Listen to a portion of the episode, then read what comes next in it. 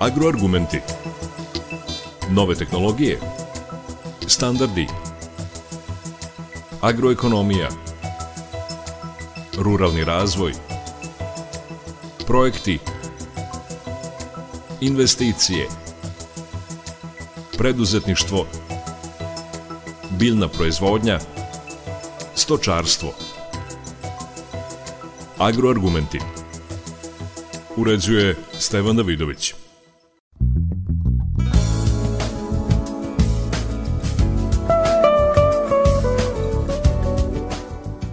Dobar dan. Da bi u vreme COVID-19 hrana bila i lek, neophodno je da bude proizvedena po organskim principima.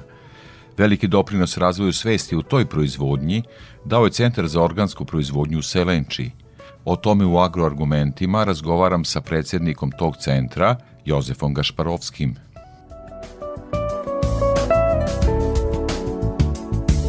COVID-19 aktualizovao je više nego ikada pitanje hrane u svetu.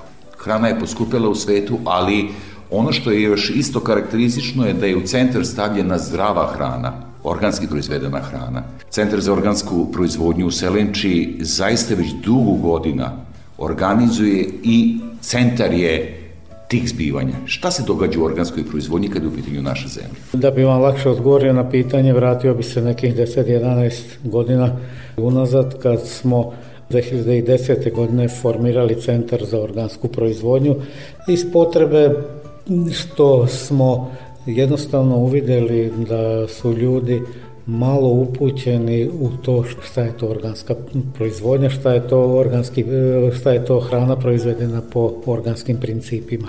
Ali pre toga e, još moram da napomenem da se tu ne radi samo o hrani, nego po organskim principima se proizvodi i odeće i nameštaj i tako dalje i kozmetika znači ono što ljudi direktno ne konzumiraju kroz usta ali konzumiraju na neke na neke ovaj druge načine ali da se zadržimo na hrani te 2010. godine smo zajedno sa i uz pomoć našeg doajena već e, profesorke emeritus Branke Lazić koja je jedan isto od osnivača centra i nekoliko privrednih subjekata, među kojima su najpoznatiji privredni subjekti ovaj u Srbiji e, i sada koji rade i proizvode hranu po organskim principima, formirali centar za organsku proizvodnju zbog čega? Prvo da bi pomogli ovim e, malim proizvođačima koji su radili na pola hektara, hektar i tako dalje, E, da bi pomogli njima da nekako ovaj, organizujemo e, proizvodnju e, sirovina za ove veće preradivače, proizvodjače, znači tu se javila potreba, nije im bilo da stvorimo nove ovaj proizvodjače organskih, organske hrane, odnosno organskih sirovina, jer hrana u jednom momentu je sirovina, a može u tom momentu da bude i finalni proizvod, recimo ako pričamo o šargrepi ili o nekom voću i tako dalje, znači može se konzumirati kao finalni proizvod, da se odmah jede ili da se putem prerade, dorade i tako dalje, od toga napravi neki kompot, neki džem ili neka zimnica ili tome slično. Znači, bilo je potrebno da se ti proizvodi i povećaju, da se povećaju s jedne strane ta brojnost ljudi koji će to da proizvode.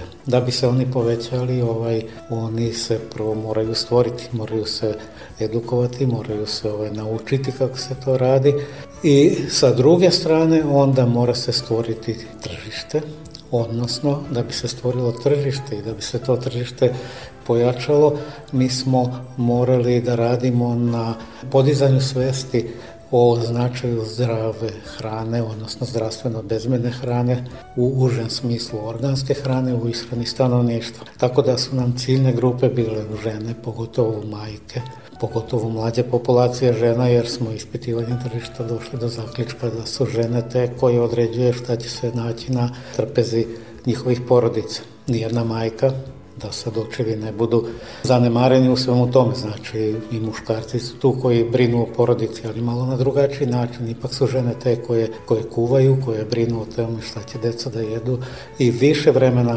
posvećuju tome i ažurnije su u tome i puno disciplinarnije. Tako da nam je ciljna grupa bila samo da dopremo do tih osoba, da im nekako na razne načine ovaj, objasnimo šta to znači ako neko ovaj, konzumira zdravstveno bezbednu hranu, proizvedenu po organskim principima, a šta to znači recimo ako se konzumira nezdrava hrana koja je ne daj Bože GMO i tako dalje porekla i da znaju da čitaju deklaracije, da, da, da paze na to ove šta kupuju, kako kome ovaj, i, i kako to pre, spremaju posla i daju svoje porodici. To, to su bile neke naše ideje i videli smo ovaj, da mi onda, tu nama nedostaje neka organizacija koja će da okuplja sa jedne strane proizvođače i potencijalne proizvođače ovaj, organske hrane, a sa druge strane potrošače. Uvek je između proizvodnje i potrošnje prerada i distribucija te robe. Znači, ti potrošači koji žive U gradovima to su nam jer naj, najveća potrošnja svega toga je u većim gradovima, većim naseljenim mestima. Ne mogu da doporu i ne mogu da jure do mm, sela da kupe svežu hranu gde se to proizvodi i tako dalje, nego moramo nekako organizovati prvo ili da sve to preradi, pa kao prerađevina da dođe do tih kupaca, a drugo da se sveže doprema do kupaca. Znači, jednostavno smo to sebi postavili za cilj i te 2010. godine počeli na tome da radimo.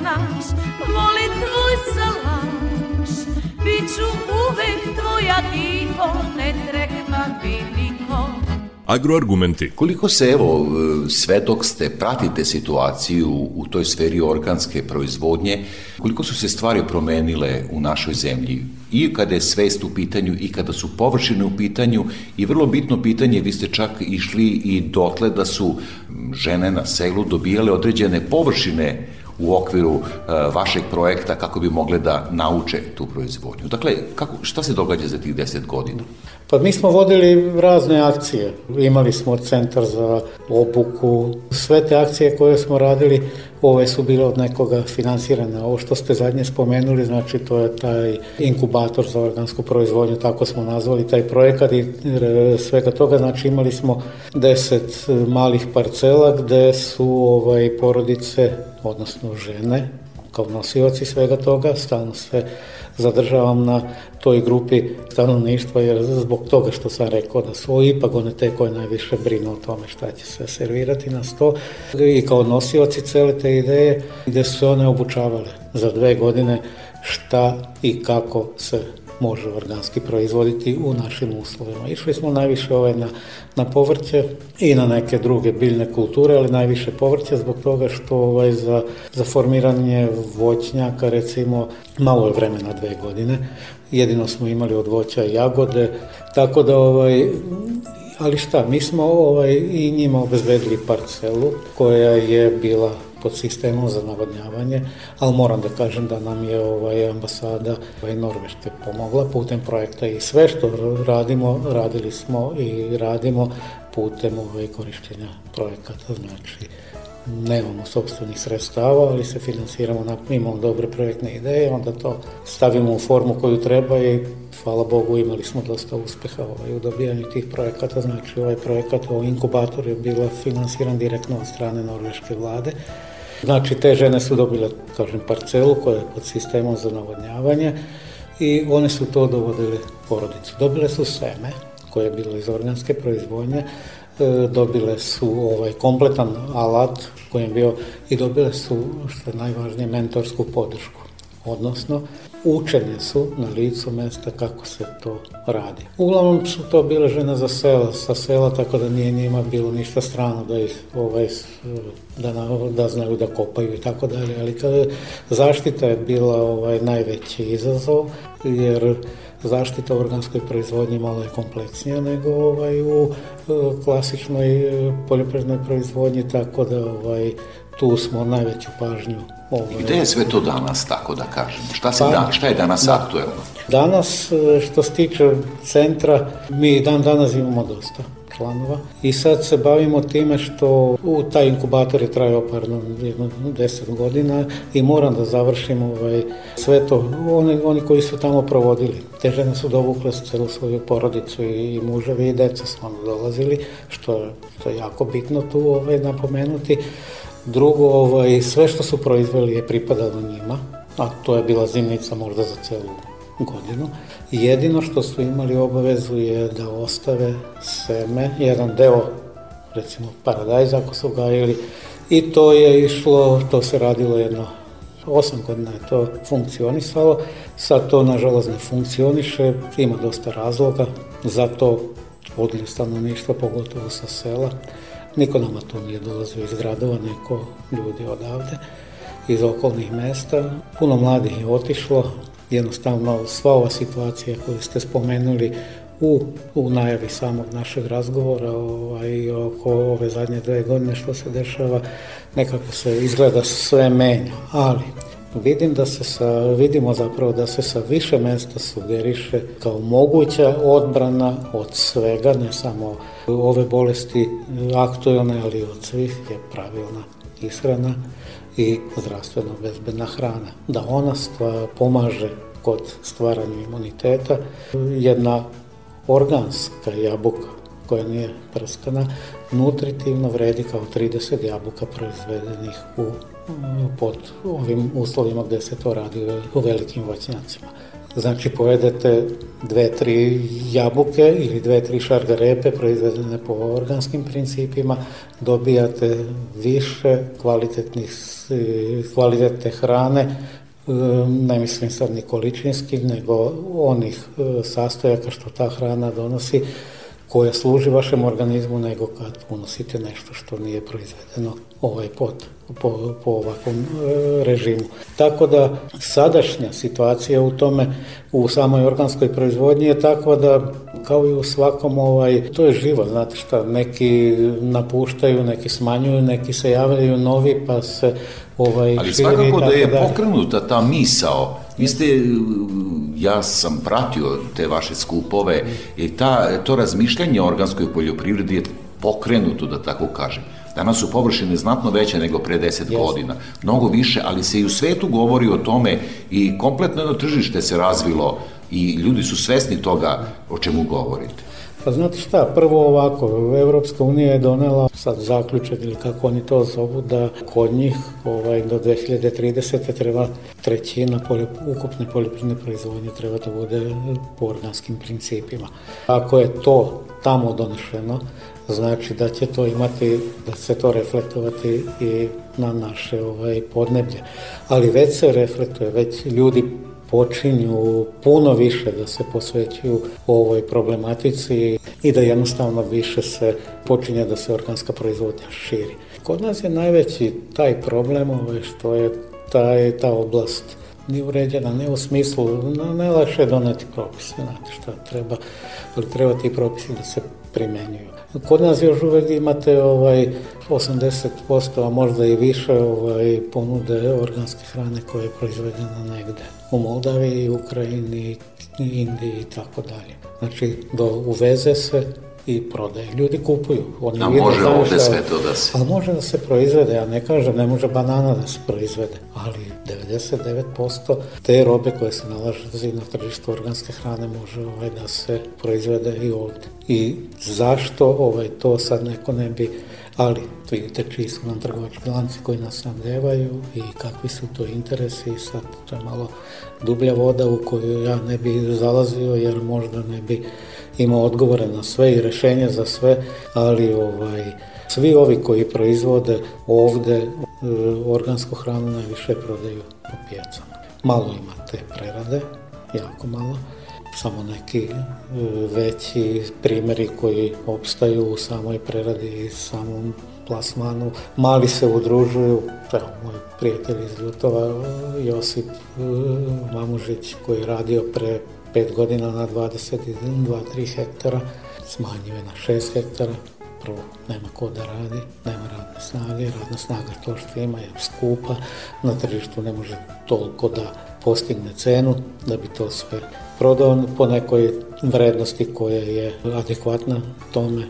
Dođe rod višnji koji ima na 2 hektara, opet nema kome da proda. I onda mora da je proda kao klasičnu višnju i tako dalje i tako dalje. Znate šta, ima tu dosta problema jer ulaze ljudi u, u proizvodnju, a ne znaju ne vide kraj šta će s, s tim da se desi. Ima svetlih primjera. Sad su počeli njih nekoliko su se udružili ovaj, organskih proizvođača pa prodaju trgovački lanac Lidl je počeo od njih da otkupljuje određene proizvode, krompir, cveklu i tako dalje. Ali pitanje je sad da li će to biti dovoljno i dokle će to trajati. Znate, kad ti trgovački lanci, oni traže snabdevanje tokom cele godine. Ne sad, imam danas za dva meseca i gotovo ne.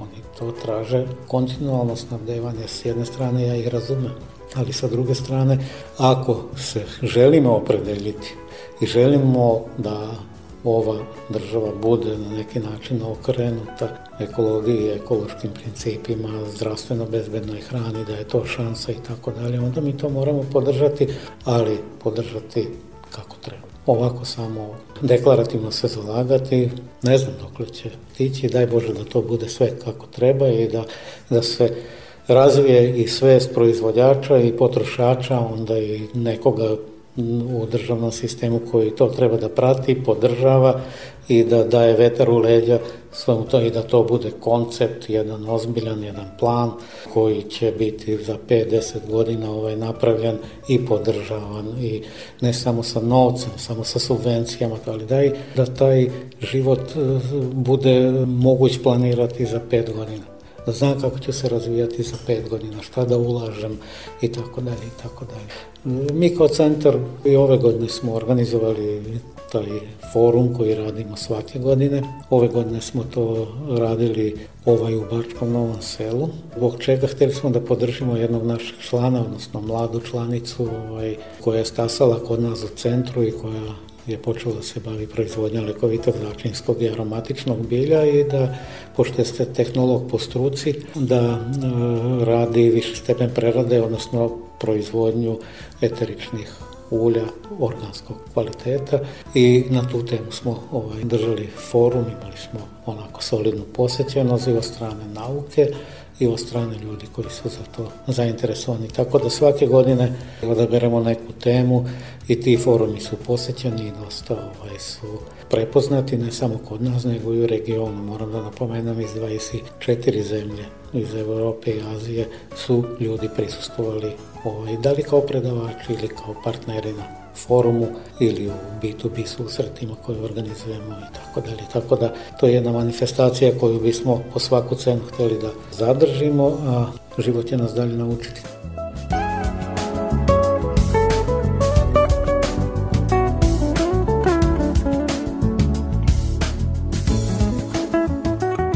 Agroargumenti.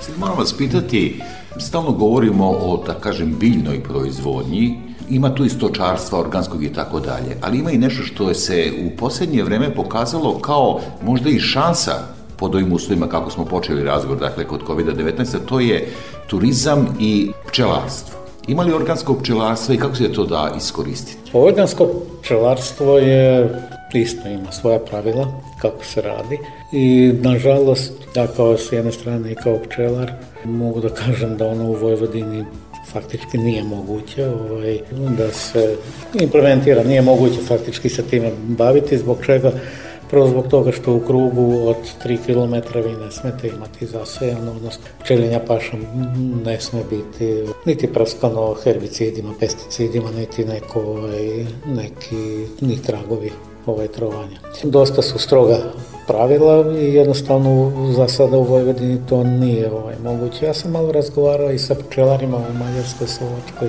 koji se bavi, čak i u, u Ukrajini, koji se bave organskim pčelarenjem i kažu da bave se e, iz tog razloga zato što hoće da imaju taj organski med, ali finansijski isplativo to nije.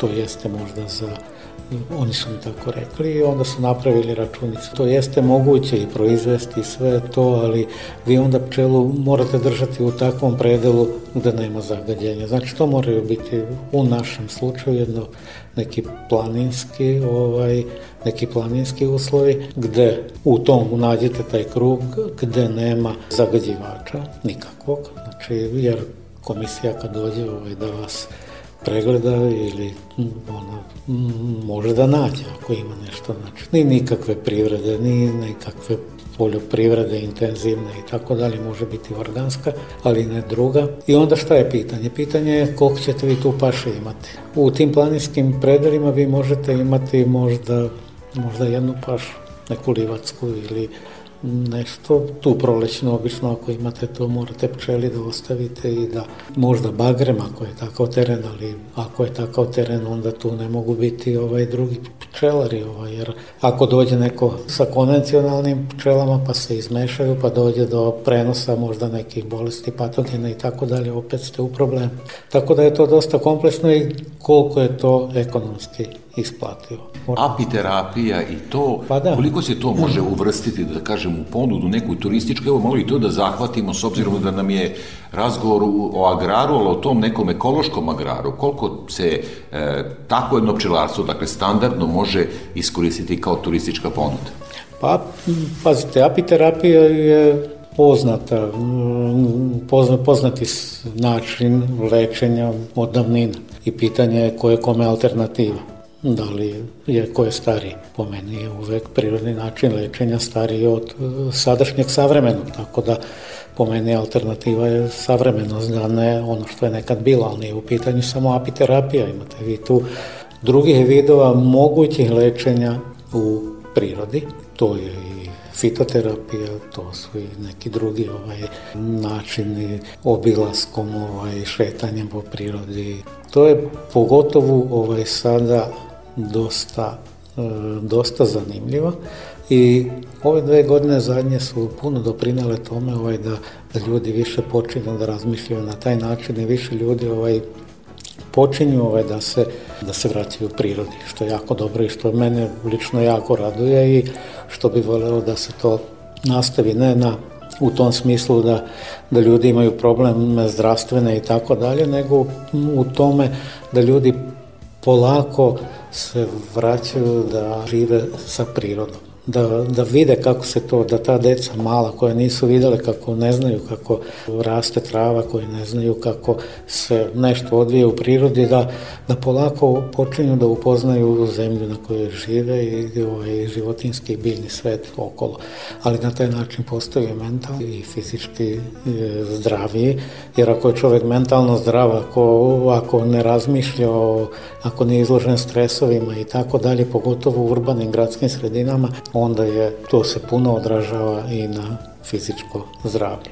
Apiterapija. Apiterapija, kažem, kao što sam rekao, je jedan jedan od najstarijih načina lečenja koji nismo niti mi izumeli, niti smo, ali smo posmatrajući prirodu i učenje od drugih videli da pčela ne samo tim proizvodima koje proizvodi, nego i boravak i, i suživot sa njima doprinosi ovaj boljem osjećanju, boljem zdravstvenom stanju, smireniji je čovjek, ovaj, nekako je otporniji na stresove, nekako puno, puno, puno lakše prebrodile ovaj sve, sve nedaće koje ga u životu ovaj sreću, a da ne kažemo da je med neko, nešto što je neprevaziđeno, što se tiče i kao hrane i kao leka pomoć, kao nekog sredstva koje može da doprinese boljem zdravlju čoveka. Drugo, ostali proizvodi matičnu mleč koju farmaceuti još nisu uspeli da kopiraju, da naprave isto tako i propolis, koji je prvom redu antibiotik, ali ne samo u konzumiranju kod e, za recimo za uništavanje e, patogena, bakterije i tako dalje u ljudskom organizmu, nego i kao za zaceljivanje rana. Onda plus toga mi koristimo, koji se bavimo organskom proizvodnjom i propolisi u tretiranju mm, voćaka i povrća od raznih bolesti, od gljivica, od bakterija raznih koje napade, znači sasvim prirodno sredstvo koje koristimo u zaštiti u biljnoj proizvodnji. Tako da ovaj, svi pčelinji proizvodi, da ih ne spominjam, e, sve naširoko, ali samo da ih ovako spomenem, znači, i polen, i pergu kao pčelinji hleb, sve je to Bogom dano za čoveka i svako, sav, svi ti proizvodi nečemu služe. Kad pričamo recimo o polenu, onda moramo da postavimo pitanje polen, poleno, prah polenova zrnca, znamo da su to ovaj, muške jajne ćelije ili spermatozoidi, bilja, biljni, a ako postavimo pitanje šta je zadatak ili šta je svrha svakog živog bića na ovoj planeti, doćemo do odgovora da ostavi potomstvo. Znači ovo, ono što najbolje, najkvalitetnije što može da proizvodi ide u tom smeru. Onda i taj polen je nešto najbolje što je ta biljka mogla da stvori. I on kao takav jako dobro deluje, pogotovo na, na, na naš sistem za varenje i na ostale organe. I ima puno, puno toga ove što može da se ovaj priča u tome. Znači, sam dolazak na pčelinjak, sam boravak na pčelinjak ovaj, e, otvara prostor za puno razgovora i kogod ovaj, želi da dođe, on je ovaj, jako dobro došao. A gde da se javi, da- gde može da dođe? Pa slobodno može da se javi i nama i u centar, i, i centar za organsku proizvodnju eto, sticajem okolnosti ima tu naša udruženja biopčelinja klinika i gde smo išli da učimo da polažemo ovaj sertifikat u Ukrajinu ovaj gde su oni jako dobri potom ovaj u tom domenu gde se rad, radimo inhalacije sa E, ih pčelinje košnice i ovaj drugo to je boravak u pčelinjoj mikroklimi, odnosno u pčelinjem energetskom polju gde čovek leži na košnicama i jednostavno gde se organizam e, oporavlja, odnosno izlazi iz, to, sretno, iz tog stresnog stanja.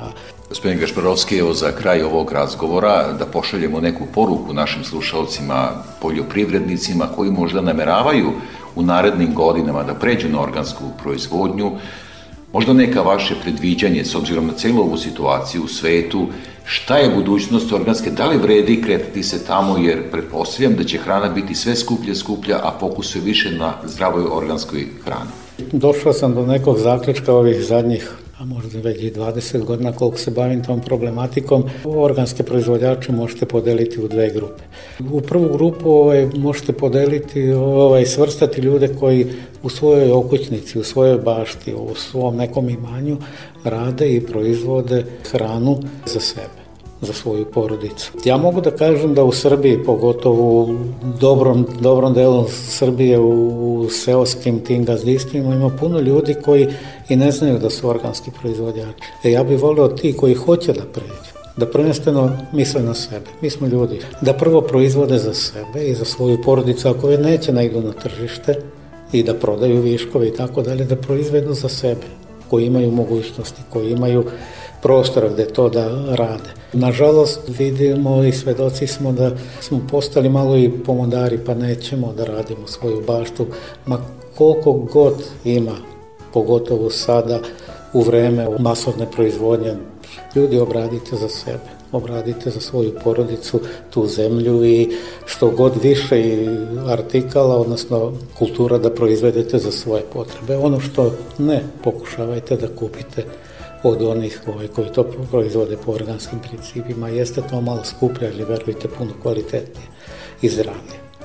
E, treće, ko želi da ide na tržište, slobodno se može oprobati, verovatno će prodati što proizvede. Da, ako imaju problem, neko ko hoće, ovaj, da, a ne, ko hoće da proizvodi, a nema, misli da neće moći gde da proda, pa da nek se slobodno obrati nama.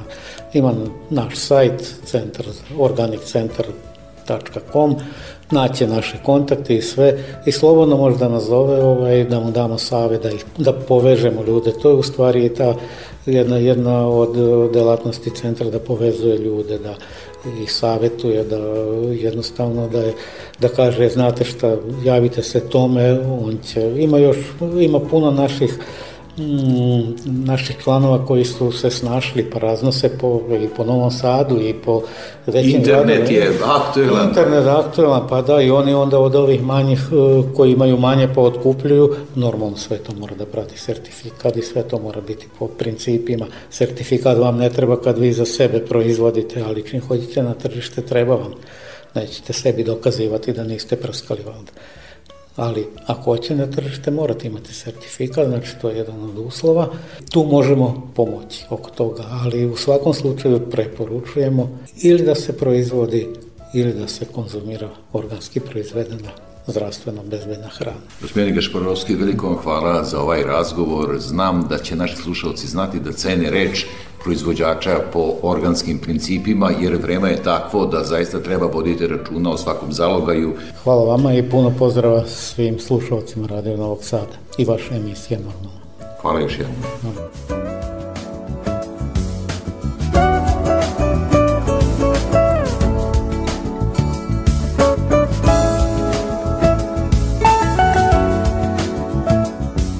Slušali ste agroargumente – Govorili smo o razvoju svesti u organskoj proizvodnji u našoj zemlji i ulozi Centra za organsku proizvodnju u Selenči. Emisiju montirala Marica Jung. Pozdravlja vas urednik i voditelj Stevan Davidović. Emisiju možete slušati i na portalu Radio Televizije Vojvodine na adresi rtv.rs. Ostanite uz naš program.